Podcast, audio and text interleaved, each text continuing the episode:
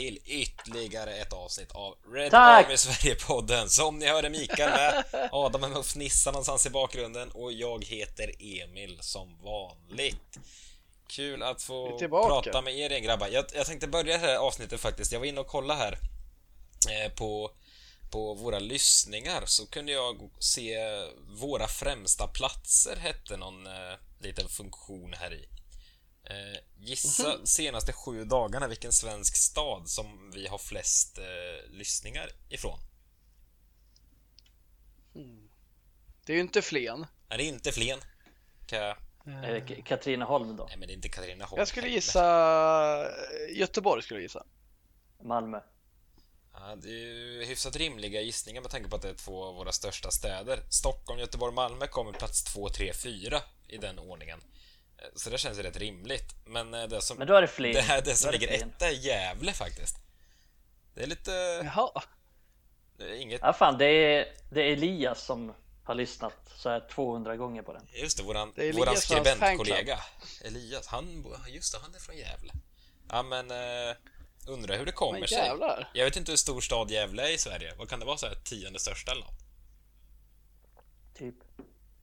Ja, Eller, den är inte liten. Ja, det är intressant spännande. att det är så. jag vet inte. Nu blir man ju lite nyfiken. Ja, jag, jag, jag vet inte. Det sitter något eh, gäng i Gävle och lyssnar. Ni får... Uh, Jävla fint gäng. Fy fan så Bra gäng. Sva, jaha, jag trodde du drog något skämt här med jävla fint. För Gävle. Nej, Nej, det var... Nej. det är bara du som tänker på det. Fan också. Jä- Jävlar också. Eh, nej vars, men eh, ni får ju ge till känna alla ni från Gävle. Det sitter ett stort gäng. Ge till känna i kommentarsfältet här tycker jag efter, får vi se. Vi kanske får... Elias, skriv alla gånger du har lyssnat. Exakt. vi får styra Red Army Sverige Ja men det är som du säger Emil, där blir man nyfiken. Vill man ju veta vilka det är. Ja, Vad det är för rackarkottar. men, men samt, samtidigt vet jag inte, alltså för jag kan även bläddra i den här eh, listan här och välja senaste 30 dagarna istället för senaste 7 dagarna. Eh, på andra plats då, över städer där vi har spelats upp mest, kommer Columbus i USA. Det väcker ju ännu mer frågor. Där har vi ju, vet jag, en eh, kristen förening som är väldigt eh, intresserad av Mikael. Eh, du kan väl utveckla där lite Mikael, hur det ligger till, eller? Eh, lite Det, på det, en otäck en nivå. Det tar vi en separat podd. Ja. Folk får betala. Det tar Columbus, vi Red Army Sverige-podden Premium. Där får ni höra sånt. Däremot har vi Columbus. ganska många lyssnare och läsare för den delen. Väldigt många läsare i Norge. Det är Mm. kul. Ja. Fina de här Oslo norrmännen. ligger med här. Tromsö låg ganska högt upp också. Ja, det är en fin stad. Där kommer Isak Hansen ifrån. Som Tromsö. är U18-spelare i Manchester United. nu. Och det är kul för Tromsö är inte så stor stad. Plus att de inte har så bra förutsättningar för fotboll heller. Det ligger högt upp satan. Mårten Gamst. Ja, Inte Nordnorge. han från Tromsö också? Ja, det är han. Mårten Gamst har faktiskt spelat i samelandslaget och varit tränare för samelandslaget. Och då är det ju ofta Jaha. så att det är spelare från Norge, Sverige och Finland. Och då har de Mm. spelat någon match i Kiruna till exempel. Så det är coolt att han var med. Vilka Det är möter inte de så... då? Det vet jag inte. Alltså de spelar typ så här någon träningsmatch eller Jaha, sådär. ja. Sen kanske det är att de är med i någon slags turnering, men jag vet inte riktigt vilka de möter i alla fall. Men han är ju den såklart största spelaren som har spelat. Annars är det ju typ så här division 2, division 3 lirare i Sverige Ja. typ. Alltså ni får Så det är ursäkta coolt mig. att Jag, han ställt upp en alltså ni får ursäkta mig men jag har fastnat lite här nu. Och jag sitter och scrollar samtidigt som jag poddar här. Det kanske inte är jättebra. Men alltså, jag tänkte om det var något tillfälligt här med Columbus. Men alltså, jag har hittat här nu alla tillfällen. Eh, Alltså, sen den här podden drogs igång så ligger Columbus på femte plats. Där vi har flest spelningar. Jag tycker det är konstigt. Kan det här... Men det Columbus, alltså engelska Columbus, eller du säger Columbus, eller vad du Eh, säger? eh, Vad är Columbus? det du säger mannen?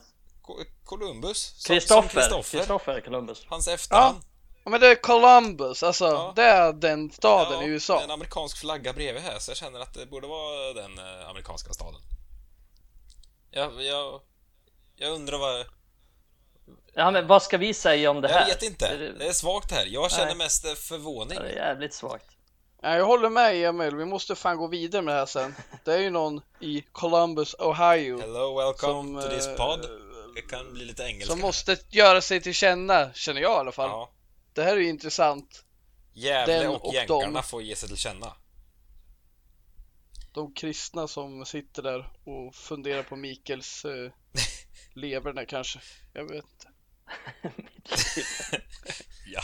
Nej, nu ska jag... Vi älskar lyssnare och vi älskar fotboll. Ja, Ska vi prata lite fotboll nu då? ja, jag ska släppa den här eh, scrollningen här nu. Men eh, det var spännande. Men, Tror jag säkert att du kan. ja, men eh, Gävle får fasen ta och ge sig till känna i kommentarsfältet. Får vi se, har vi ett stort näste där kanske vi får styra någon träff där framöver. När coronan är borta. År 2027. Det Koroinen. löser vi. Eller när det blir.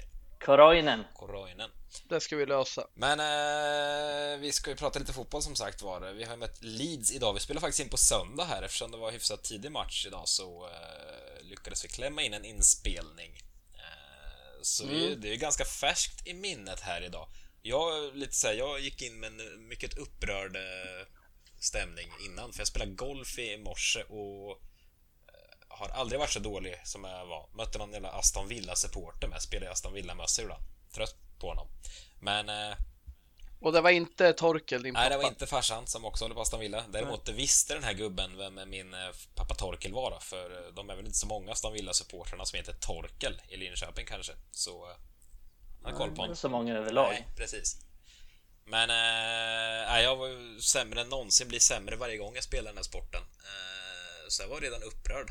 Och sen satte mig och skulle kolla på Leeds och jag har så svårt för Leeds. Fy fan vilket... De har blivit så här lite omtyckta i år att Bielsa lite, gjort ett lite charmigt lag. Jag hatar dem. Sex, Det sex stycken manbands i startelvan. Alltså, nej. Det går inte. Äh, det är jävla... De Jävla har fan stört sig på, jag vill inte vara så, men jag har fan också stört mig på de där jävla manbandsen. Ja. Jag har själv haft det, det är inte det, men det är att alla har det. Ja, alltså, det- att det är en jävla Det är okej om en har det. lite äckligt är det. Ja. Jag kan inte se Jag du tycker att Luke det. Ayling kan få ha det. Ja, fast han... Han har haft det länge. Du måste ju berätta mer om att du har haft manband. Det kan jag inte se. Det är inte du. nej, det är Ja, fan. Ja, får väl visa någon bild någon gång. Ser ut som en fåne kanske. Kan du bjuda... Jag tyckte om, eh, jag tyckte om Stevie May som spelade i eh, Sheffield Wednesday en gång i tiden. Jag ville ha lite som honom, men det har jag säkert någon bild på. Men det var ju när man hade hår och det såg faktiskt såg bra ut innan man behövde raka bort håret. Kan du rent av Men- bjuda ja, på en bild i kommentarsfältet här eh, efter den här podden har släppts? Ja, Jag ska se vad vi kan hitta i galleriet. Får se om Facebook blurrar bort det. Ja, fy fan. Olämpligt Nej, men jag, ja, jag känner mig rutten när jag tänker så, men jag stör mig fan också på dem. Och det blir inte värre när de är lite grisiga tillsammans på plan. De är väldigt aggressiva. Det kändes lite som de spelade en final idag. Och det tyckte jag inte kändes sist, för då var det inte alls lika grisigt. Och att de, det faktum att de spelar för Leeds också. Ja. Det är ju inte så charmigt. Nej, och jag tyckte väl det kändes som det här betydde mer för dem än för oss, om man säger till hur man gick in i duellerna, hur man tog sig an matchen. Det var inte så att vi var, hade lågt, eh, låg intensitet, eh, våra centrala mittfältare, men jag tycker väl att det såg ut att betyda mer för Leeds det här. Vilket inte är helt konstigt, det är ju det har funnits ett uppdämt behov för de här spelarna att få representera sin klubb mot United. Ja, vi har ju Europa League att tänka på. Som är en viktigare match egentligen, det får vi ju säga. Medan de, de har ju bara den här egentligen. att Se fram emot. Men det, det är väldigt rimligt här nu. Jag tänkte, jag har skrivit upp det som punkt sen när vi ska prata kommande matcher också, men vi kan nästan beröra det redan nu. Alltså, det är väldigt rimligt. Visst att Ole pratar om att så länge vi kan komma ifatt City i teorin så har vi inte gett upp, men alltså herregud, spelarna vet ju att man inte kommer vinna ligan och man vet att det i det närmsta är klart med att komma topp fyra. Eh, ganska rimligt att åka en söndag eftermiddag till Leeds, alltså ingen publik på läktarna. Alltså, jag vet inte. Jag har lite svårt att klandra dem om de inte går ut och liksom eh, kör sulorna först och slaktar rejält. Alltså, fattar ni vad jag menar? Det är så här, Ja, nej, men så är det ju. Visst att de är är, proffs och man kan kräva Ja. saker och ting, men alltså, ja, jag vet inte. Nej, men så är det ju. Vi har ju viktigare matcher som jag sa innan så har vi ju Europa League matcherna mot Roma som, Mm. är, som är mycket viktigare i dagsläget. Och nu kan vi väl ändå slå fast att topp fyra är, är klart och ja, vi har helt enkelt inte så mycket att spe, spela för i ligan. Sen är det ändå Leeds som man vill vinna den och så vidare och så vidare. Men sen kommer vi, får vi komma ihåg att vi har Liverpool på söndag också. Mm. Som är lite viktigare. Och det är väl anledningen till några bytena som vi såg som vi säkert kommer, kommer komma till också. Ja, nej, precis. Nej, men jag tänkte vi, vi håller lite på kommande matcher, ska vi avhandla Leeds här först. Alltså, vad, vad tyckte ni om matchen? Jag är lite tudelad och det, av det jag läst och hört efter matchen här nu med, eh, som tog slut för ett par timmar sedan, så eh, verkar lite blandat vad folk tyckte. Alltså, jag person, om jag börjar med mig själv, jag tyckte jag vet inte, jag tyckte det var ganska stabil insats ändå. Det är så här, någonstans visade vi att vi är ett topplag och var på besök hos ett lag längre ner i tabellen. Men sen fanns det ingen slutprodukt och vi skapade knappt några chanser. Och det är såklart tråkigt, men eh, i övrigt, jag vet inte, jag tyckte det var hyfsat positivt ändå alltså. Alltså jag känner väl att eh, jag känner att eh, jag tycker Leeds gör en bra match. Jag tycker de är inte lika naiva som de brukar vara och deras taktik gör det inte enkelt för oss. Eh, med tanke på att vi har utgått från att de ska vara ganska naiva så inleder vi ju med, ja dels, vilket vi kanske skulle gjort oavsett, men dels en vanligtvis dynamisk Rashford som eh, gör bra saker mot lag som Leeds. Vi har även James som jag tycker på förhand, det är ett helt okej val i den här matchen. För om det blir en liknande matchbild som senast så kommer James kunna hota. Ja. Nu blir det inte så. De backar hem. De är inte alls lika riskbenägna som de var tidigare. De har inte alls lika intensiv press. Det blir tufft för oss. Det innebär att Rashford har inte lika mycket ytor, inte James heller. Med andra ord har vi James i onödan i 45 minuter. Vi kan byta ut honom men väljer inte att göra det. Vi har uh, McTominay och Fred som helt plötsligt ska vara styrande och det är de för de har mycket boll. Leeds har mindre bollinnehav än de brukar kunna ha och det blir vad det blir med McTominay och Fred på centralt mittfält. Vi snackar om det. Vi vill gärna ha in kreativitet och det här är en anledning. Men jag förstår ju att han ställde upp på det här sättet för det var ett liknande lag vi hade senast och då kissade vi på dem. Mm. Men å andra sidan har Leeds eh, på hemmaplan om vi kollar i de stora matcherna så har de spelat lite tajtare än vad de brukar göra annars. Och kanske också på sistone att de har täppt till en del som de inte har gjort innan. Eh, men jag håller med dig om att på förhand, ja då såg det, jag förstår tanken med James och Rashford och så vidare och så vidare. Men man kanske kan argumentera för att han skulle kunna ha räknat ut att Leeds skulle spela lite tajtare än de gjorde på Old Trafford. Jag tror, jag tror inte han gjorde det. Han räknade inte ut det. För han sa det innan att han blev ju, eller han sa ju efter det. Kommer inte ihåg exakt hur orden föll, men det var någonting med att ja, de körde ett lägre försvar. Det blev inga ytor för oss. Det var inte han beredd på. Sen är det som Nej. du säger, det har ju säkert förändrats så de har varit bra på senare tid mot topplagen. Eh, och det är ju en sån orsak. Men jag, jag, kan inte klandra honom för att han, han eh, väljer det här spelarmaterialet. Jag trodde det skulle räcka. Säg James, det är mm. klart han är inte tillräckligt bra för United, det har vi snackat om hundra gånger. Men, men är det någon match som faktiskt han har gjort bra så var det Leeds senast. Han var riktigt bra då. Ja, men eh, jag tänker också att Ole sa ju inför matchen om det var på presskonferensen så sa han ju att ja, det kommer inte bli 0-0, det lovar jag. Det kommer bli chanser åt båda håll. Och det blev det ju inte riktigt. Eh, jag tycker varken vi eller Leeds skapar särskilt mycket chanser. Eh, så, så det styrker ju bara egentligen att han tänkte sig att det skulle bli en öppnare match än vad det blev. Men det blev det ju mm. faktiskt inte. Nej, vi försvarar väl det. Jag trodde att Leeds skulle skapa mer än de gjorde. Jag tyckte inte de kom till mm. alls mycket chanser som hotade liksom. Nej, Henderson blev inte svettig i den här matchen. Det var ingen svettrand på den där kepsen. Ja, men jag älskar Nej, kepsen. Bara... Fan vad fint att han har... Det är för få kepsar på målvakten nu för tiden.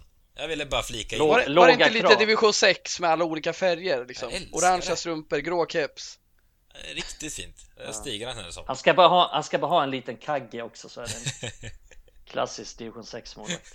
Blir man världens bästa målvakt med keps på huvudet? Vad sa du? Om man blir det? Eller vad sa du? Ja, blir man det? blir man väl eller? Jag känner det. Ja, det blir man väl. Jag gillar det. Jag litar på en målvakt med keps. Jag kom på det, jag kom att tänka på det. Ja. Jag litar ja. på målvakter med keps alltså. Det... Men jag, alltså, jag tänkte på det. Jag får så Chris Kirkland-vibbar. ja, han hade alltid keps. För. Oh. Det är fan sant. Wigan-målvakten. Och det är inte av bra anledning jag får de vibbarna. Men vad fan vad ytlig jag är nu. Nu skäms jag.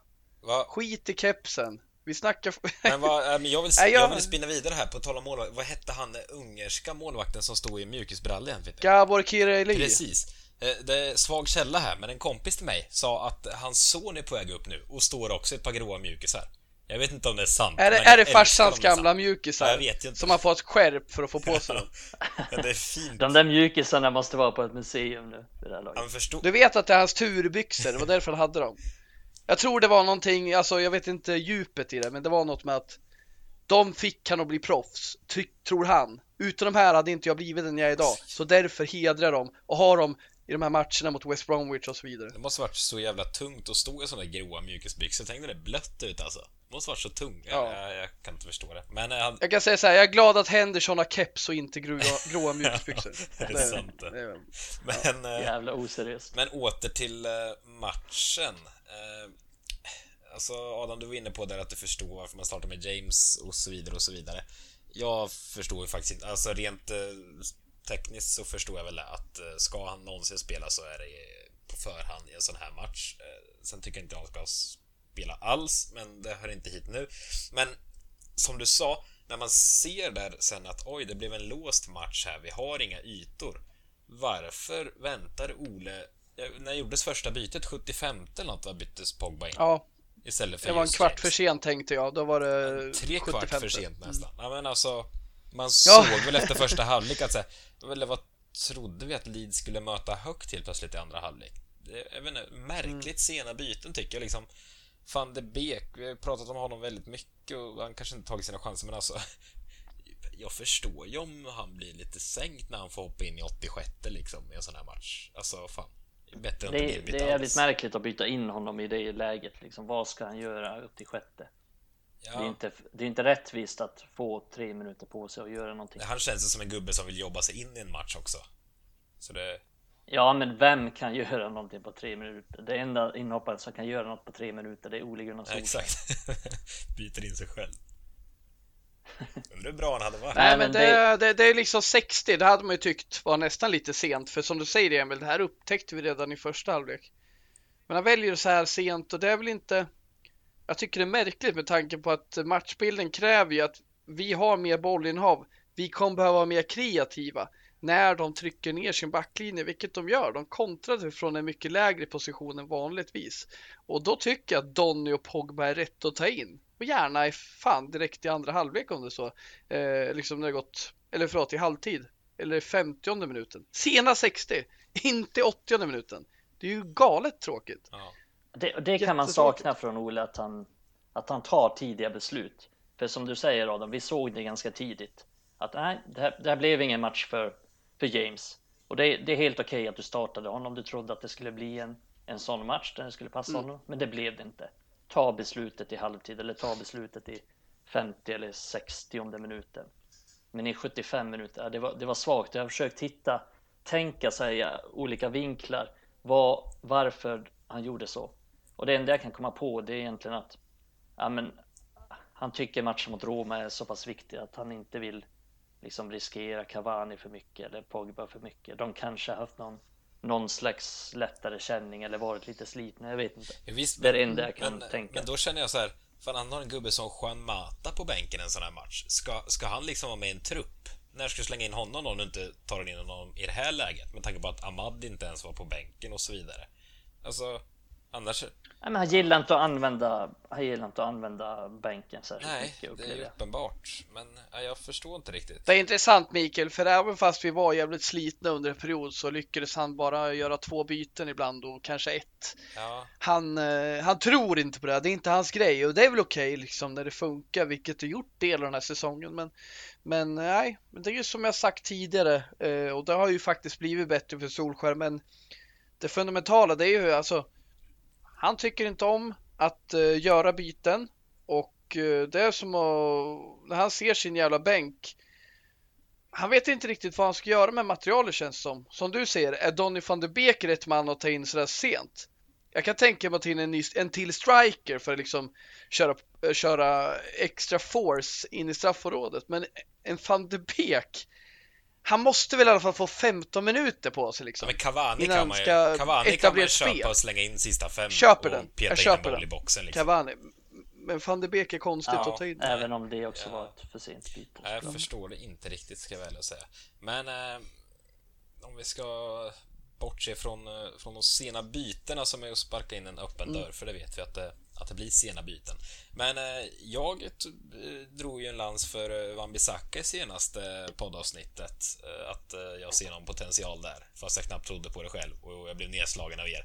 Men eh, han var väl eh, bäst på planen då nästan, va? Jag tyckte han Men- var bra.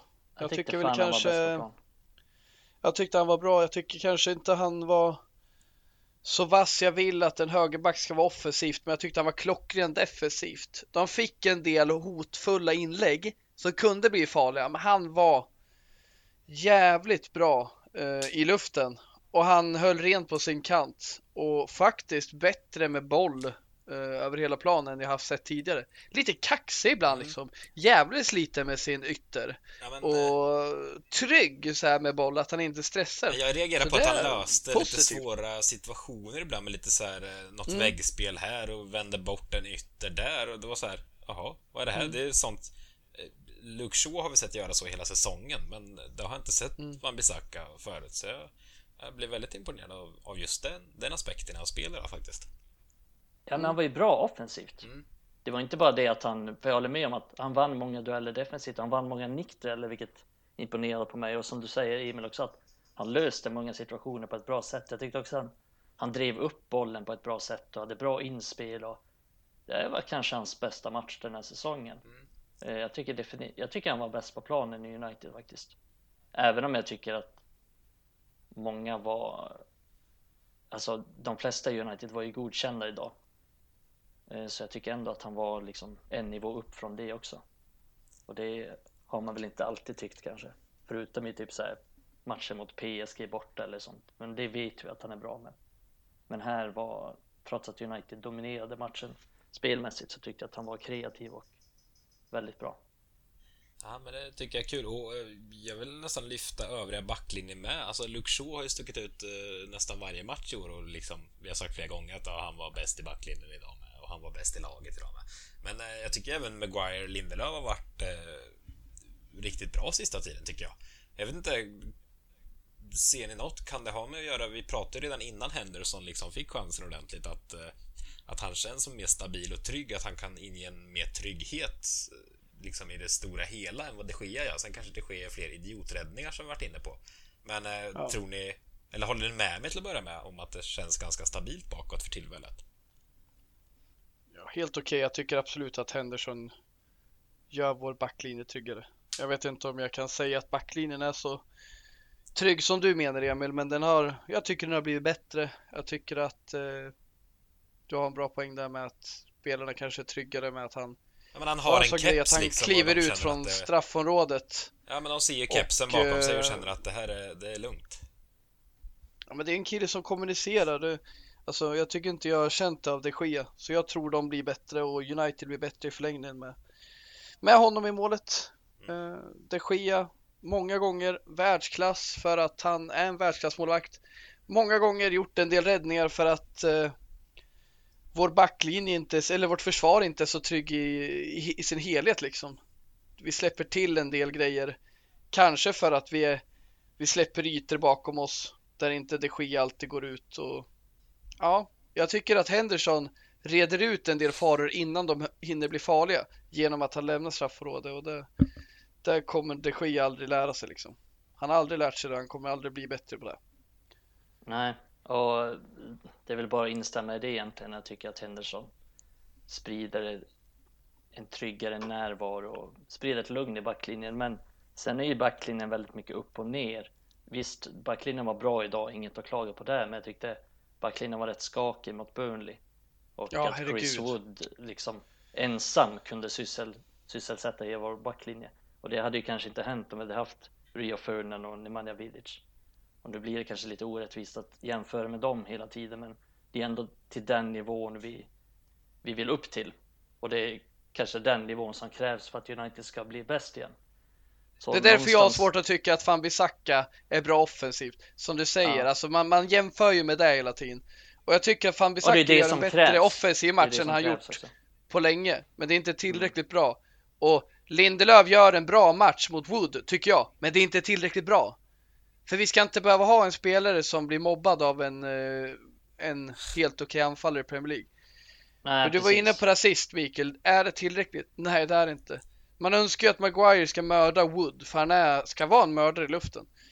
Men det är inte så liksom, så på Nej, din fråga där Emil, det är ju inte riktigt tryggt än. Vi blev faktiskt, vi höll på att förlora mot Burnley. Tack vare att vi är ett chipsigt försvar fortfarande. Jag vill bara, jag Men vill bara tryggare än på några eh, månader. Chris Wood gjorde ju hattrick idag faktiskt, så vi får lugna oss där. Den såg Ja, man de inte komma. Wolves också. Otroligt. Chris Wood med hattrick i Premier League, det såg man inte komma 2021 eller vad vi är för år nu. Nej, men om, om vi ska ta något problem så tycker jag ju snarare att, att vi skapar för lite målchanser och kanske att vi har matcher där vi helt enkelt inte gör mål. Vi har ju ganska många, jag tror att det är sjunde 0-0 matchen bara i ligan. Ja, och de flesta av dem har kommit den här sidan om säsongen. Ja, jag tror vi har nyligen. tio matcher överlag den här säsongen där vi inte har gjort något mål. Och kollar vi bara på matcher där vi gjort ett mål så är det liksom ännu fler. Så jag tycker att ibland har det varit så att ja, i vissa Vi matcher måste så köpa nya helt. spelare. I vissa matcher så släpper det ju helt. Så här 15 leads hemma. Och det är oftast när vi får ytor, när vi får lite ytor att spela på. Men när det blir så här tajta matcher och där kanske Leeds lärde sig en läxa från förra gången också. Eh, då har vi svårt att få till något konkret många gånger och idag var inget undantag. Jag har svårt ändå att vara så här. Jag tänker efter matchen bara fan vad synd att vi förlorade. Det här var inte tillräckligt bra, men jag har svårt att liksom göra något med det och vara besviken för jag, jag, jag kan liksom inte. Vi, vi är där vi är nu och det kanske det blir en andra plats. Det är inte tillräckligt bra, men jag är nyfiken på att se vad vi kan göra nästa säsong. Make or break för Solskjaer liksom. Han gör det okej nu, men nu måste han ta steget vidare. För nästa säsong kommer alla våra konkurrenter vara bättre och då kommer inte de här resultaten räcka till för att komma tvåa tror jag, de här insatserna. Det är som du säger Mikael, de här 0-0 matcherna och de här tappade matcherna när vi tappade till 3-3 mot Everton. Liksom. Det är ju där vi måste bygga på. Och den här matchen, jag kan alltså, Den säger mig ingenting. Vi är fortfarande obesegrade, vi är fortfarande ett bra lag. Men man önskar ju att man kunde se en liten utvecklingsgrej innan säsongen är slut. Se att vi faktiskt börjar bli jävligt eh, mycket, ja men få ett bättre grundspel till exempel. Men där tycker Jag tänkte nästan på jag det. att vi har det är så, jag tycker så här. Jag tycker så här. Vi, vi är, det är helt okej för mig att vi har ett fritt flytande anfallsspel när det är spelare som Pogba, Bruno, Greenwood, Cavani på planen och det flyter på. Men när vi har Fan-Bissaka till höger, när vi har McTominay på centralt mittfält och när vi har James till höger. Det går inte att hålla igång ett flytande anfall. Det syns på vänsterkanten att det kan hända grejer. Shaw, Pogba, Bruno, ba, sen kommer det till högerkanten och bara dör. Det håller inte liksom. Och det handlar inte bara om spelarna. Det handlar ju såklart om att vi inte har trygghet i vårt spel. Sen ska vi inte spela kanske James då om vi vill ha ett flytande textigt anfallsspel. Men jag tror ni förstår vad jag vill komma till.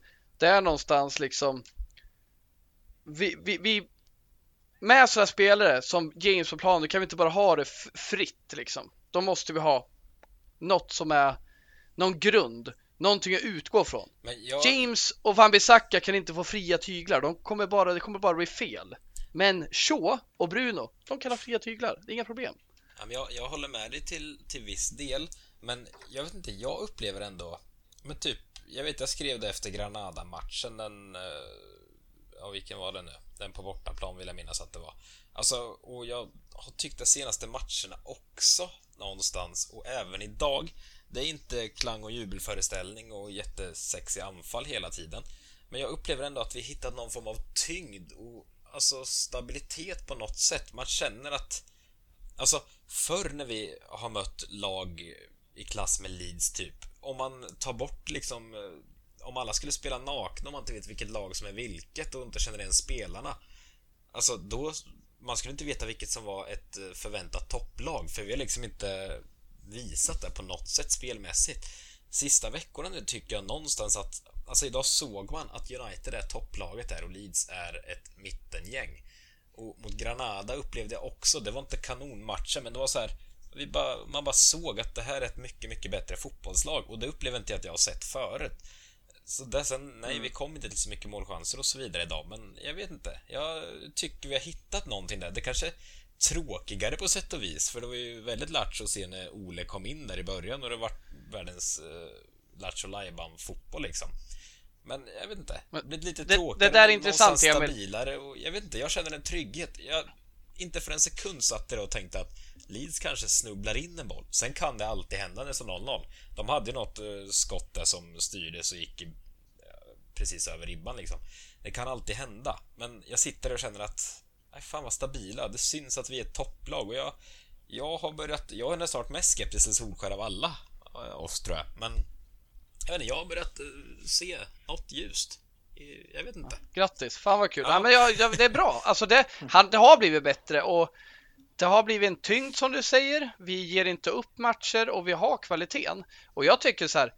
Solskär gör det bra i väldigt många matcher med det här fritt flygande anfallet där det inte finns så jävla mycket struktur. Det är väldigt mycket baserat på de, den individuella briljansen vi har på olika kanter. Och idag blir det tydligt med James till höger att det inte är tillräckligt. Det är ingen kille som klarar det egna ansvaret. Eh, det, det fritt flygande. Med Greenwood till höger till exempel. Eller eh, Bruno till höger eller Pogba till höger. Då är det, då är det lugnt. Mm. För så kan lösa en vänsterkant jävligt bra. Med James till och med. För, för Shaw är en duktig kreativ spelare. Som jag sagt, det är en av våra kre mest kreativa spelare. Jag tycker det håller, men det blir så tydligt idag med de här tre jag nyss nämnde på högkanten så är det för dåligt. Men det kanske är det vi ska ha, men då måste vi också ha alla spelare offensivt vara kreativa och jag tycker det har varit bra med Greenwood till höger, för han är en jävligt kreativ bra spelare. Som har lite problem med sitt partnerskap med Fambisaka, men det kommer alla ha. Och... Men, men framförallt så måste... Så men måste för mig, det är inte tillräckligt. Det är inte tillräckligt att vi ska ha bara fritt flygande. För du ska ju kunna spela med spelare som inte är världsklass i ett lag. Du ska ju kunna rotera och ändå göra en bra insats. Nu vill jag inte låta negativ, för vi har gjort det jävligt bra på sistone. Men jag, jag ser inte en trygghet i att vi inte har det här grundspelet som jag eftersökt i så många år. Liksom. Mm. Även under Mourinho. Och då krävs det ju att, att våra, alltså våra kreativa spelare, våra spelare som, som ska göra det lilla extra, som ska, göra, som ska ha den individuella kvaliteten, då krävs det att de är bra och att de är i form. Om vi kollar på de senaste matcherna så har kanske inte Bruno Fernandes spe, rent spelmässigt eller Marcus Rashford varit särskilt bra. Och det blir ju lidande i en sån här match. Nu tycker jag alltså varken Bruno eller Rashford är bra i den här matchen. Och då blir vi lidande som du säger Adam, för då har vi James och så har vi kanske Van Bissaka också. Då, då, då kommer det inte hända så mycket framåt. Och det, och det är väl ett problem. Men sen, sen kan jag hålla med Emil också att United har blivit stabilare och lite tyngre och, och där tycker jag att vi har utvecklats. Vi har blivit lite bättre den här säsongen än vi var förra säsongen. Men sen kommer det stora testet nästa säsong. Kan vi ta nästa steg? För nästa säsong då kommer, då kommer vi fans kräva titlar. Då kommer vi fans kräva att vi liksom slåss om Premier League-titeln och att vi går ganska långt i Champions League. Det är vad vi kommer kräva. Eh, så det, då krävs det också att vi blir ännu bättre. Och där kommer väl eh, den stora frågan om han kan fixa det. Men jag håller med, där blir vi lite bättre, lite stabilare. Den ja men exakt. Och alltså, jag, jag är ju helt med på det som du nämnde där Adam med, med alltså McTominay Fred. De, de gör sitt men de är inte tillräckligt bra för att vara spelförande. Och det är inte det jag ser heller har hänt att oj vilka, vilka nya passningskombinationer vi löser här mot ett lägre stående Leeds. Det är inte det utan det är bara Alltså tyngd är nog ordet jag vill säga. Vi känns lite tunga och ja. lite lite mäktiga, men lite som under Sir Alex, det har vi också varit inne på. Det var inte alltid det var klang och jubel, men det var en jävla tyngd. Det var en röd maskin som bara kom och så här. Hej och hå, här är vi, vi är stora mäktiga mm. United. Vi, vi, är ganska svårslagna och det ja, tycker precis. jag Ola har gjort bra, men jag tycker alltså vi är fortfarande inte utvecklat passningsspelet tillräckligt mycket. Nej, det om. och, det, ser man ganska, det ser man ganska tydligt på innermittfältet med Fred och McTominay och mm. ser ganska tydligt idag tycker jag också att de är rätt svaga i det spelet och sen, sen är de ju det generellt. Alltså Fred har ju en har ju en halvtaskig första touch om man säger så, men jag tycker ändå att det borde gå att utveckla det ännu mer. Ja, men sätt Fred att spela lite enklare. Instruera McTominay att spela si eller så, eller spela någon annan spelare där. Vi har ju ganska många alternativ ändå. Men där tycker jag att det finns utveckling liksom i passningsspel och, och det säger väl någonting också om vår kreativa förmåga. Att, ja, då, för att göra de här målen, för att förvandla de här 0-0 matcherna till kanske 2-0 matcher, ja då behövs det ett lite mer kreativt passningsspel, ett lite snabbare och, och bättre passningsspel. Och där finns det ut, den stora utvecklingen. Sen har han gjort väldigt många saker bra. Alltså rent generellt så är truppbygge och men också som du säger att han har gjort oss stabilare, svårslagna. Vad är det nu, 24 bortamatcher i Premier League utan förlust mm. och, och det snackar man inte bort. Det, det, det är stabilt. och det alltså vet ni det mest, det mest positiva som bara slog mig nu, alltså när, när jag började studsa in i podden här i höstas, i november eller när det var, alltså då, då kunde vi tre sitta och diskutera eller alltså jag vet inte, det är helt andra diskussioner vi för nu i, i positiv bemärkelse. Alltså vi inne så här, även när vi vunnit här med 2-0 någon match eventuellt så sitter vi liksom och petar ja fast vi fick inte riktigt till några bra passningstrianglar på mitten. Alltså tidigare har vi faktiskt suttit och diskuterat att så här herregud, vi har problem att liksom vara bättre än Sheffield United. Det känns, eh, förstår ni vad jag menar? Det känns som man har höjt ja. ribban är liksom uppe på en ny nivå och det, ja, ribban det har liksom är ju nu successivt där den minst ska vara liksom. Ja, men precis. Så... Där vi var då, då var man ju galet frustrerade för vi har ju en bra trupp. Mm. Folk kan ju snacka om att vi ska värva åtta spelare, men vi har en bra trupp som skulle kunna vinna ligan i år. Om City inte var så bra som City är, då hade vi vunnit faktiskt. Så, så jävla bra är truppen, men eh, det är ju det som Mikael sa förut, alltså vi måste ju utveckla det till nästa säsong. Kan inte ha fyra dåliga värvningar eller halvdana värvningar. Nej. Det är fyra toppvärvningar om vi ska värva spelare som ska ta oss och konkurrera på alla. Men samtidigt göra det bästa av materialet. Jag tror det ska räcka med kanske två värvningar för att vi ska för att täppa de hålen vi har. Men det är inte många hål. Det är inte det. Alltså jag tycker det, det är en mittback och en central mittfältare egentligen som är de stora hålen där vi kan utveckla truppen. Men framförallt det vi var sura på i höst var att vi gjorde så jävla lite med ett bra material. Ett material som minst ska komma tvåa liksom. Mm. Och där det... är vi nu och det är därför jag är nyfiken på att se nästa säsong. Det är fan Solskärs stora utmaning.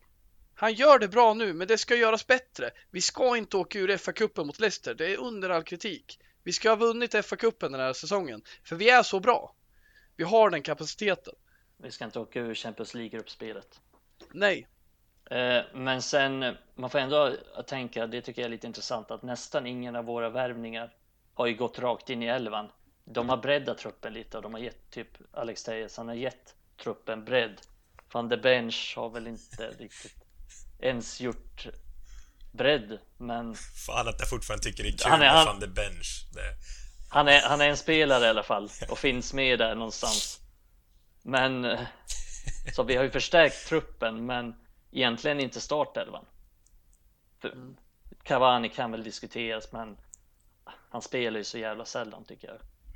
Mm. Men så där finns det ju också förbättringar att, att vi har utvecklats lite trots att vi inte har tagit in så många nya spelare egentligen som, som har förstärkt elvan och det är också någonting positivt men sen får vi se vad som händer i sommar och det ska vi inte diskutera nu men det, det kan bli en intressant sommar och en intressant nästa säsong. Men det är som sagt, det är där, där frågorna kommer ställas och det är där det kommer bli bära eller brista för Ole för nu är det liksom, nu är det slut på ursäkterna och det är nästa säsong som, som kommer bli det stora testet.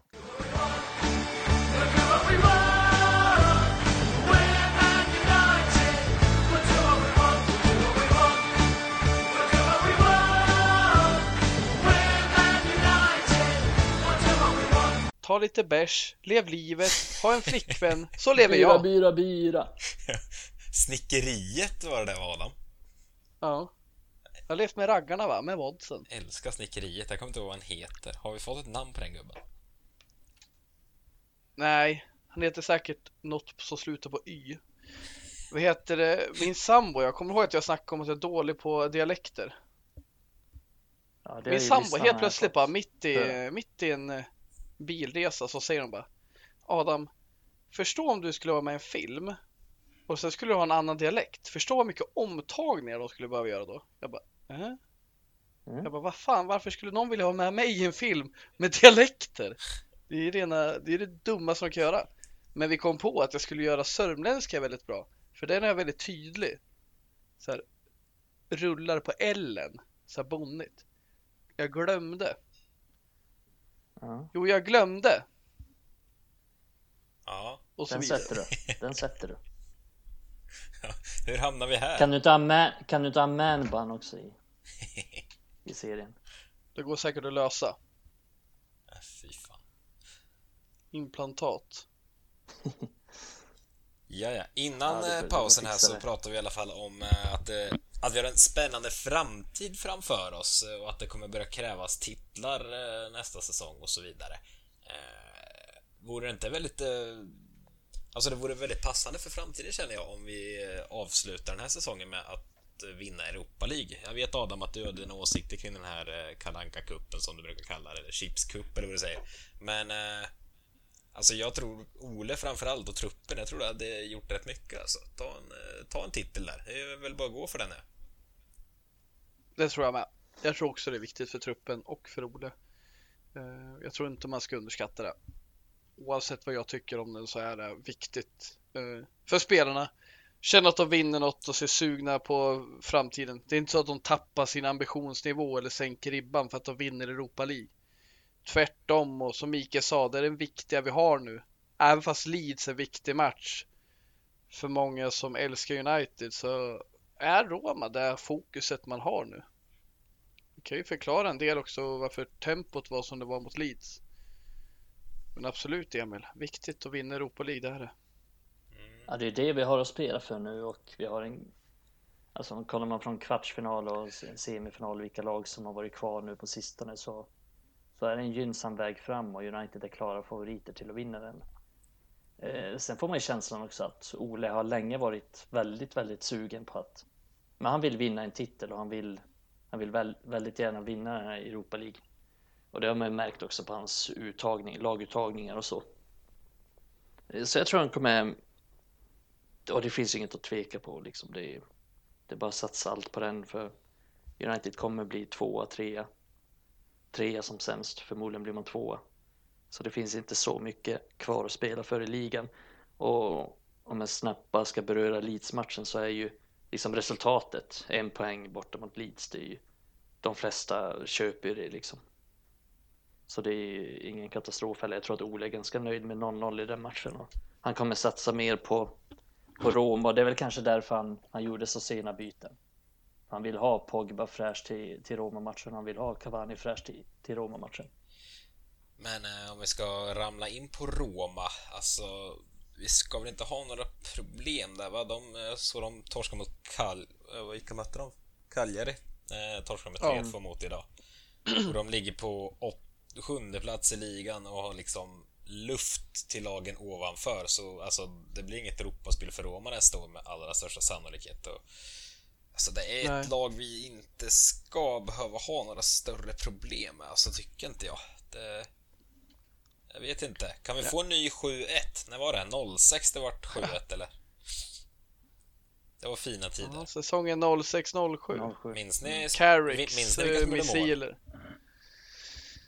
Alan Smith, Alan Smith. Rooney, Carrick. Tror fan Ronaldo. var- Ja, Ja. Ronaldo var. Carrick två mål, Ronaldo två mål, Smith, Rooney och Evra varsitt mål. Fick ni det? Evra hoppa in på slutet och så gjorde han mål. Fan vad duktiga ni är på sånt här. Jag blir imponerad. Jag är glad att det är jag som sätter det på pottkanten. För hade ni ställt en sån fråga när jag suttit här och bara yeah. Jag minns ju knappt vilka som startade idag mot Leeds. Det... Så där, riktigt dåligt minne så där har jag. Inte Ja men i vissa fall är det ju Det här är också en speciell match och det är kanske lättare att komma ihåg den än att komma ihåg Ja, sant. Brighton hemma för några veckor Ja. sedan bara. Du kanske inte kommer ihåg vad det blev mot Crystal Palace 06 liksom? Eller? Nej. De var inte uppe i Premier League. Precis. Kanske mötte dem i ligacupen eller något, vad vet jag? Vidare i alla fall, vad tror vi? vi... Gjorde vi inte det då? Inte Darren Ambrose när han gjorde det drömmålet på Old Trafford? Ja, skitsamma, kanske inte var det året. Släpp det! Vi får se. Nej men alltså Calgary, jävla bottengäng. Eh. Torino Parma har de också förlorat mot nyligen, bottengäng. Det går inget bra för Roma nu, de har det tufft liksom och det är väl en bra tid att möta dem. Det är ett bra lag tycker jag men eh, det är klart vi ska kunna förlora mot dem Emil, men jag håller med dig att det här ska vi kunna det här ska vi kunna ta. Jag har, möter ju hellre Roma än Villarreal Ja, personligen. Eh, så, ja. så, det är ett ganska trött lag eh, den här spelartruppen liksom och jag tror det kommer väl hända rätt mycket nästa år när de får ta nya tag. Det här har ju blivit lite av en besvikelse. Eh, utan att ha superbra koll på Italien så känns det ju inte som deras ambitioner det här. Det är ju ett topplag liksom. Nej, nej, så är det ju. De har släppt in så jävla mycket mål den här säsongen. Det är väl främst det. Mm. Jag tror att det är bara så här sju lag eller någonting som har släppt in fler mål i, i Serie A. De har släppt in 51 mål på 33 matcher. Ja. Eh, Så vi borde kunna straffa dem. Med Men eh, Småling på Chris mittback. Smalling var tillbaks. Förstå Han- att vi får träffa Mike skadad. Smalling.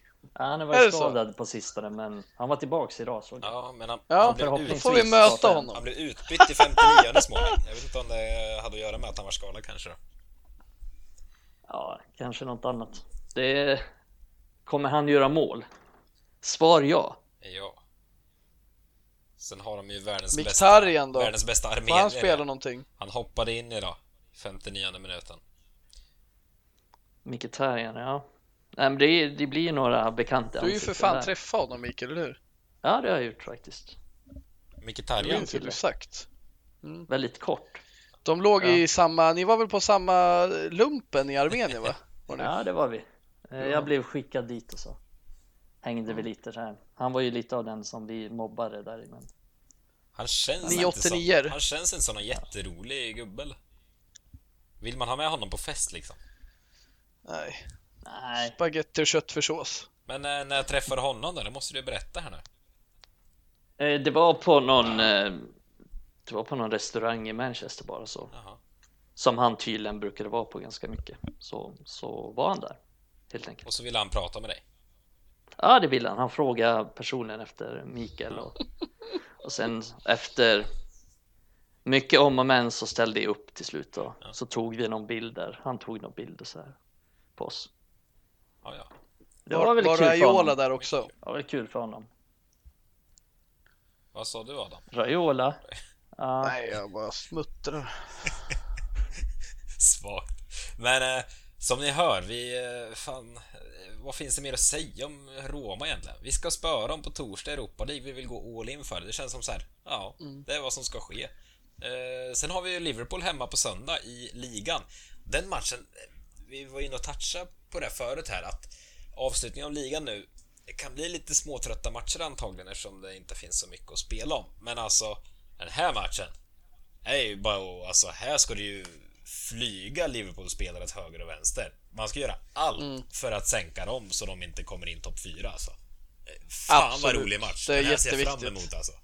Nu åker vi. ja vi kan ju sätta, det- spi- vi kan ju sätta spiken i kistan i inget att deras förlora. Champions League Ja. Det finns inget att förlora mot Liverpool. Och, Och ni- hur länge sen Ni var var det? inne på bra saker förut med Leeds. Alltså det är klart det kan vara svårt att komma upp i tempo i en sån match när vi möter Roma snart och det, fokuset är där. Men fokuset kan ju aldrig vara dåligt mot Liverpool. Största mötet vi har varje år och kan sänka deras Ja. Champions League-hopp. Det är ju underbart kul. Det är man ju själv ännu mer taggad att möta Leeds. Det ska bli fantastiskt kul. Pissa på, nej jag ska inte säga. Ska fan Okej. pissa på dem, ska vi göra. Jag, jag minns i vintras när vi skulle möta Liverpool. Jag tror det var du Adam som... Det var när eh, Klopp var ute och grät där i TV om eh, VAR och att United eh, var så för, för eller att, ja, vad sa han? United fick med sig, ja du vet.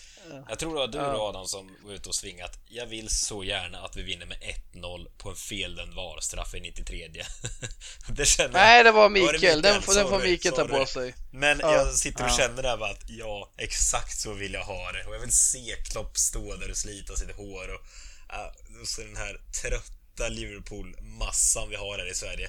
Det är en, såna fån ute på sociala medier alltså. Det är ett sånt folk. Det är ett eget folkslag, Liverpool-supportrar. De, jag vet inte. De. Foliehattar. Jag kan inte, ja, Ja, foliehattar. Fy fan, vilket pack alltså. Kan vi inte, alltså, jag vet inte. Alltså lagsympatier, stoppa dem åt sidan. Och så här, visst att Liverpool är det värsta, rent så. Men bara alltså utifrån sett, de är ju fullständigt efterblivna i sina argumentationer ofta. Uff. Ja, men de, är, så, de är som en sekt. Ja. Det är ju så här, man kan ju ha så här Arsenal-fans, Chelsea-fans, liksom så här. ja, men de kan du jag prata tänkte med. säga City. Ja, exakt. Jag tänkte säga City-fans, men det finns inga. Nej, och de är ju så här, man är inte alltid överens med dem, men de är ju relativt normala personer. Men Liverpool, det är, det är en sekt, sektliknande. Ja. Alltså till och med min, min storebror håller på Liverpool. Alltså vi umgås i alla sammanhang och situationer. Jättebra relation och så.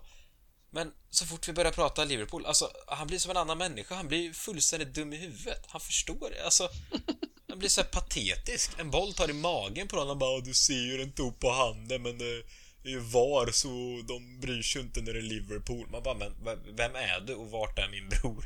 Alltså, Ja. det, jag förstår Ja precis, vart tog han Ja, vägen? det blir, jag vet inte. Nej, men- Det är något speciellt där alltså.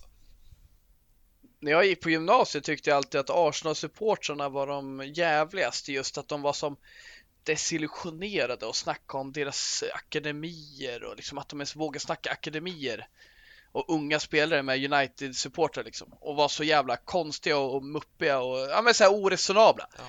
Men Liverpool för mig har ju tagit över deras plats de senaste åren och det har fan bara blivit värre alltså. Eh, sen Klopp, det har accelererat under Klopp och jag har alltid tyckt att Liverpool-fansen varit jobbiga. Men när jag var tonåring då var det Arsenal som var värst, men Liverpool, alltså det, det är som du säger. Det, det är väldigt, eh, det går liksom inte att ha en, en reasonable discussion. Men det är lite, Med Liverpool. det är intressant Det det du säger inte. med Klopp. Han, han är, det känns som han är lite foliehattgubbe också. Sen vet jag inte hur han är, Ja. om det är liksom spel för gallerierna ibland där. Det kan ju vara såklart på den nivån. Men det känns som han liksom, när han går ut och skjuter för något som uppenbart är liksom bara patetiskt. Liverpools på packet köper det. Det är ju liksom deras husgud, Klopp. Så de säger ja, kolla det här stämmer och så går de ut och kör. Ah, Han vet vad som förväntas av honom Ja. och han gör det bra ur de eh, synpunkterna. ah, fan, Han, han är ju deras eh, ansikte utåt för vad de, står, vad de är för några. Ja, är det... Nej, fy. Nej, Det hade varit ruskigt roligt och som du sa Mikael, slå spiken i kistan. För slår vi Liverpool på söndag, eh, då... Det är inte hundra kört för dem såklart, men alltså de missar topp fyra då. Jag har svårt att se, för alltså de är fyra poäng bakom Chelsea som ligger fyra i nuläget. Eh, och Leicester ligger ytterligare en, en framför där. Ja, det tar de inte in på resterande fyra matcher eller vad det blir som är kvar sen där. Det, det ska inte Nej. gå. Så alltså det är spiken i kistan eventuellt om... om eh, nej. Det, Ja, så är det. För Chelsea möter Fulham hemma fast tror jag. kollar jag i och för sig på Chelseas spelschema bara för det. De har ett svårt sätt. De har faktiskt City borta, sen har de Arsenal och Leicester på det. Nej, förlåt. Leicester i FA-cupen. Nej, de har Leicester i Ja, ligan det- med. De, Ja, men ändå. De Ja. eh, Nej, men det händer inte. Vinner Chelsea så. Jag har svårt att se att Liverpool, Och går Liverpool rent också som de kommer- håller på. Så... Ja, nej, det är lite av en spik i kistan. Det hade varit... Eh... Nej, jag är ruggigt taggad på den. Roma-matchen i all ära, vi ska vinna Europa League, men alltså... Söndag mot Liverpool, det blir... Eh... Det blir något att bita i. Det ska bli ruggigt kul faktiskt. Jävla håll igång. Ja, det ska det bli. Herregud. Men eh, vi kanske ska släppa lite kommande matcher här nu och eh, fotbollen som sådan. Eh, vi hade ett avsnitt förra veckan med Kristoff, eh, Osynliga handen mer känd som. Eh, verkar ha varit ett eh, hyfsat populärt avsnitt. Många lyssningar i alla fall. Eh, så vi hoppas ni uppskattade det och där fick vi ju lite klarheter i Glazers övertagande av United och hur det funkar och så vidare. Eh, det avsnittet kom ju precis... Eh, det vart ju väldigt märklig timing. Vi hade bokat in det med honom tidigare, men eh, det var ju mitt när det, ja, hur såg det ut? I måndags spelade vi in det förra veckan, och då brann det ju som allra värst var med Super League. Sen eh, slogs ju det där ner här i veckan. Vad, vad säger ni bara så här spontant om Super Leagues uppgång och fall? Mycket är redan sagt, men har ni något att tillägga? Alltså det häftigt ändå det som hände någonstans med supporternas kraft. Vi satt ju och pratade om att vi trodde att spelaren måste gå ut. Jag minns att vi pratade om eh, Messi och Ronaldo exempelvis, vilken kraft det skulle vara om någon av dem gick ut och, och slog ner på det här. Men visst, några spelare antydde väl, men det var inga rejäla protester som han ta fart, för supporterna slog ner det här på egen hand, är väl känslan. Personligen underskattar jag väl egentligen våra, våra supportrars makt. Vi har ju eh, gjort insatser tidigare år och tycker väl inte det har gett något bra utfall, men eh, det yttrar ju faktiskt vårt avsnitt och det får vi ta tillbaka. Vi visar ju sannoliken vilken kraft vi har.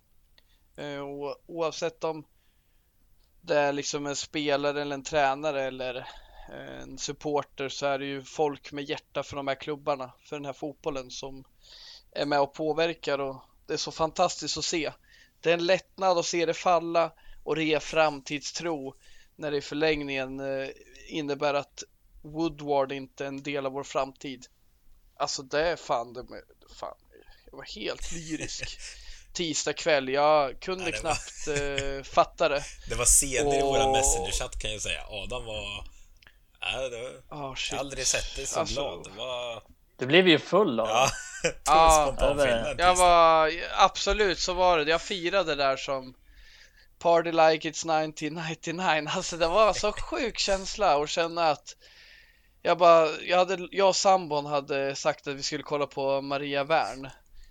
Och sen Melke bara, Maria? Wern out. Ja, ah, det var något sånt där, Irene Huss kanske det var. Och jag bara, jag måste fan skriva nu och så sa hon självklart för hon såg att det glittrade i mina ögon liksom. Jag bara, Woodward är borta, hon fattar inte vad jag menar men hon fattar ju att det här är någonting speciellt. Och när jag skriver det, känslan just att se alla samlas, det är glada Tottenham-supportrar, United-supportrar, Liverpool-supportrar för att deras klubbar hoppar ur. Vår VD, han har fuckat ur. Precis som man har längtat efter alla år. Och det var så jävla härlig känsla och det är fan det mäktigaste jag varit med om sen Moskva-kvällen. Det är utan tvivel, jag har aldrig känt sån glädje. Sen kommer du tillbaks till verkligheten och så kommer du inse att Glazer bara ersätter honom med en, en, en Woodward typ. ja, Richard Arnold, förstår man ah, så. Ja, ja det, det kommer ju fan bli honom. Adam bakför onsdag morgon och möts av den nyheten. fan. Ja, Richard Arnold. Helt förstörd liksom, ja, kan knappt öppna ögonen och se det där.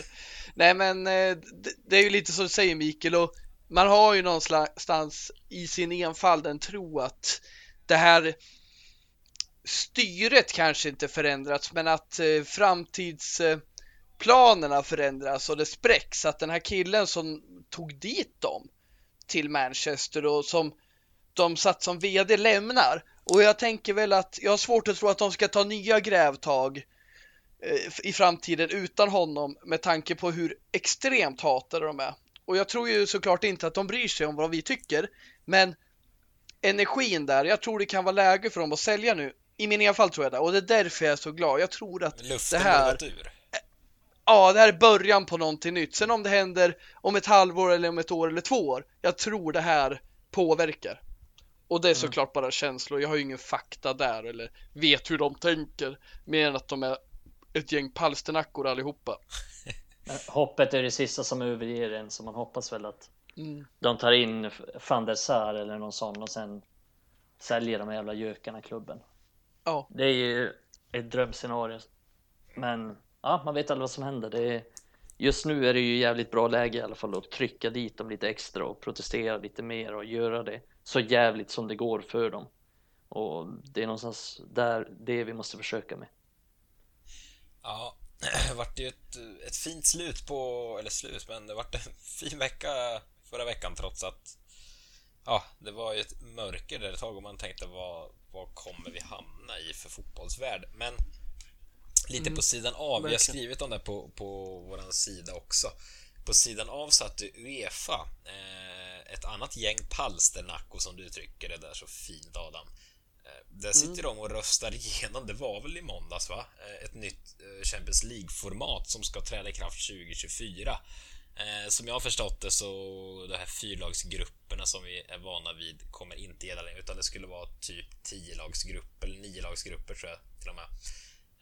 Och sen går de flesta vidare till något slutspel och några kommer få spela, spela playoff. Summa summarum kommer bli ännu fler matcher och eh, skulle det finnas någon liten räddningsplanka också om typ Barcelona skulle råka komma sexa ett år i La Liga så får de vara med ändå på grund av någonting där. Det är inte helt spikat hur det ska vara men ja, det. Alltså, Uefa målade sig nästan upp som någon goda i den här soppan med Super League för ägarna är såna jävla blodiglar. Men alltså, jag vet inte vad jag tycker om det här. Det är inte vettigt där heller alltså. Fan, de vill ju bara ha mer pengar och mer kontroll om också. Det är ju det det handlar om i slutändan. Det är, jag vet inte. Eh, jag håller med dig Emil, att, att, att, att problemet kvarstår ju. Ja. Att det, vi, vi håller ju isär det här att det vi har hatat det är ju våra ägare som försöker fort, alltså, som fortsätter med en nedmontering de redan så länge och som ägarna innan har hållit på med fotbollen. Och samtidigt då har vi Uefa som råkar bli lite good guys mellan raderna för att man inte hatar dem lika mycket i den här specifika situationen. Men som det här som du säger, att prata Uefa hur de är, det är en helt annan femma det är fortfarande piss och det är fortfarande problem och det är fortfarande trö tungrot och det är dumma jävla idioter som inte älskar fotboll tillräckligt mycket. Schäferin eller vad fan heter, Infantino. Det är inga, det är inga fotbollshjältar. Platini hoppades man ju på att han kunde bli något för han har ändå eh, växt upp och älskar fotboll, är fotbollsmänniska. Men han är också korrupt. Alla kanske blir korrupta, fan vet jag. Men, men som du säger, det finns ju fortsatta problem och jag vill inte satt mig in så mycket i den reform de avser att sätta in i Champions League, men det är klart Uefa, det är piss. Det har alltid varit och de blir inte bättre av det här. Vad fan ska de ändra de, på ett vinnande bara... koncept för? Champions League funkar fan ja, men de har ju alltid ändrat. Fan. De har ju alltid ändrat. Ja. Det var inte samma format som det är idag till exempel för 15 år sedan. Jag vet, men ändå. De, de har ju, det funkar bra idag. De har ju alltid ändrat då. De är ju bara lacka alltså på Super League. Det är ju, tycker jag var lite kul att de blev så arga över det. Men det är ju bara för att de själva liksom skulle förlora på det. Mm. Såklart, allt handlar ju om det. Ja, alla folk som, som lackar på det skulle ju förlora på det såklart. Ja, så är det ju. Men folk som har mycket pengar som vill ha mer pengar. Ja, och det ska ju sägas Mikael där att det finns ju en anledning att utmana Uefa de tar ju väldigt mycket av de intäkterna som kan gå till klubbarna och det är ju där jag tycker man kan utmana dem och förhandla liksom att ja, ska det gå 20% verkligen till resterande klubbar och 80% till Uefa eller jag har inte koll heller på vad de fördelar ut det, där, vad det, de där 80 miljoner eller 80 procenten går till. Men jag fattar ju att de ska utmana dem, men inte på det här sättet. Inte genom att göra fotbollen ännu sämre, ännu större skillnader mellan de mindre och de större klubbarna. Det var ju helt fel sätt och lite som du varit inne på Mikael med att det här förslaget är ju för dåligt. Det är ju att ett bra förslag, det hade ju, det hade ju inte alls blivit lika stor grej. Men deras hävkraft de använder det är att pissa på småklubbarna. Men de kunde ju liksom ha, ja men använt ett annat verktyg helt enkelt. Det de gör nu, det var ju döden för dem. Det var döden för många ägare. Det blev, de gapade efter på tok för mycket. Men jag tycker absolut att de ska gapa mot Uefa för de är ju rena maffian liksom. Mm. Ja, nej, jag vet inte. Nu kommer konservativa Emil fram här igen, men eh, fan, ändra inte på något som funkar bra. Kanon som fotbolls... Eh, alltså, jag vet inte. Det, det jag reagerar på, det här Ilkay Gündogan skrev om, det är att jag tycker också liksom det är tokigt att det blir mycket matcher. Det är mycket idag. Men jag är lite allergisk mot det här när man klagar på spelscheman och man eh, tycker julschemat är tufft och bla bla bla och kan vi inte ha vila. Jag känner så här, ja, det är lite för mycket matcher, det är det. Men jag tycker det är inga som liksom hanterar det på ett eh, eh, rimligt sätt. Vi ser liksom City klaga fast de kan ha två startelver på planen. Eh, vi ser klubbar som aldrig ens funderar på att ta in en egen talang i truppen, typ Mourinho. Om de inte måste, då tar de in McTominay som ser lite reslig ut som en av tre mittbackar mot West Ham. Alltså liksom använd det ni har och är det klart som fan om du ligger etta som Leicester gjorde, då vill du ju fan med köra med samma elva om det är den du tror på och gå mot titeln. Det är klart du inte alltid kan rotera, men jag menar det är vi för dåliga på att rotera och nyttja våra trupper. Och en stor del jag ser det är att vi kanske ska börja använda våra trupper och faktiskt främja användandet av egna talanger. Något som United är bra på, men jag tycker andra är skitdåliga på. Alltså, jag tycker det är rent bedrövligt ibland i vissa klubbar. Alltså jag håller med dig på sätt och vis, men samtidigt så, alltså, jag förstår ju tränarna någonstans också. Eh, alltså, man vill. Det är lika många matcher för alla som, ja, förutsatt att Alla har ju ett minimummatchande. Jo visst. Och men- sen att du spelar mycket matcher, det är ju för att du, du är med i många turneringar. Ja, men man vill ju vinna. Alltså, jag köper att man ska rotera och göra det på ett bra sätt, men samtidigt i slutändan vill all, alla spela i fotboll på den här nivån för att vinna. Och ska man bara rotera då rakt upp och ner? Alltså, jag köper det Gündogan säger någonstans. Alltså, det, det är inte vettigt. Alltså, ska City ställa över nu, nu pratar om. ska de ställa över De Bruyne då i 20 matcher per säsong? Ska United ställa över Bruno 20 matcher per säsong? Alltså då är det som att United blir ett helt annat lag i 20 matcher. Och det är så här. Nej, jag vet inte. Jag hör vad du säger, men samtidigt... Så här, vi kanske inte ska ha 60 matcher per säsong, men United hade ju inte vunnit trippeln utan en bred eh, trupp. Nej, så är det ju. De hade inte avgjort matchen mot Bayern utan en bred trupp. De hade inte kunnat ta in de spelarna. Och jag tycker det är pissigt av klubbar som Liverpool, som City och snacka om att det är tajta scheman. Jag tycker det är för, det är för dåligt liksom när du har pengar att spendera, när du har borde som Liverpool ha en, eh, ja men liksom upcoming talent. Det, men det, det händer ju inte. Sen är det såklart det är för mycket matcher idag, men jag, jag hatar diskussionen av spelare, alltså tränare, inte av spelare. För Gündogan klarar inte 60 matcher per säsong, för han är inte Harry Maguire. Men om du tittar på Klopp och Pep Guardiola, de ska ju ställa sig frågan varför nyttjar inte vi våra trupper bättre? Sen som sagt, jag tycker det är för mycket matcher idag, för det har blivit mer än det var för 10 år sedan. Men det har alltid varit det här gnället, oavsett om du haft 30 matcher eller 70 matcher. För det är ju Sean Dyche klagar ju med. Men han ska ju också använda mer talanger. Ja, Han ska Burnley också har, ju använda sin mer, trupp er. Burnley har ju mer ett case än vad City har kanske. Eftersom City har så pass mycket pengar. Burnley har inte de ekonomiska resurserna. Så är det. Ja, men alltså, jag tänker alltså problemet i det stora hela. Det, det finns ju ingen fotbollssupporter här som har suttit och sagt att ah, fan, det saknas lite matcher på en säsong. Vi behöver få in fler matcher. Det är ingen som har sagt, det är bara Uefa som känner att åh, här, vi kan kräma ut 3, 4, 5 matcher till där folk får sitta och kolla på Barcelona.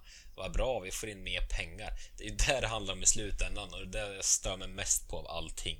Det, Ingen av oss har suttit här och sagt att ah, vi borde se United ännu fler matcher på en säsong. Fan, de, det här var ju den här veckan som har gått nu. Det är första, första veckan på 100 år som United inte hade en midweek-match.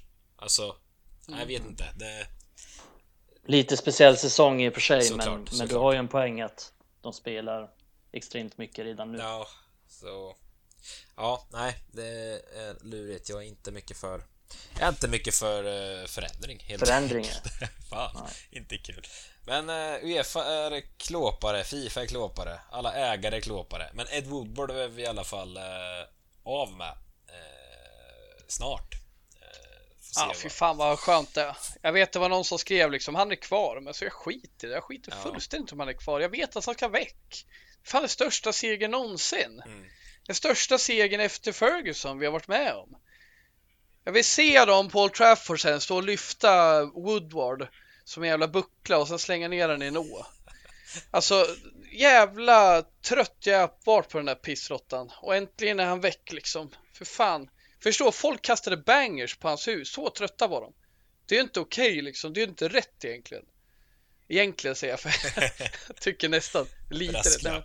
Alltså, ja men eh, fan vad han har pissat på oss och vi hoppas att det kan bli något bra av det här. Som Mikael säger, van Sar hade väl varit ett ambitiöst alternativ eh, som VD liksom. Ja, äh, Han är ju VD nu i Ajax om jag förstått det rätt. Ja, det är han.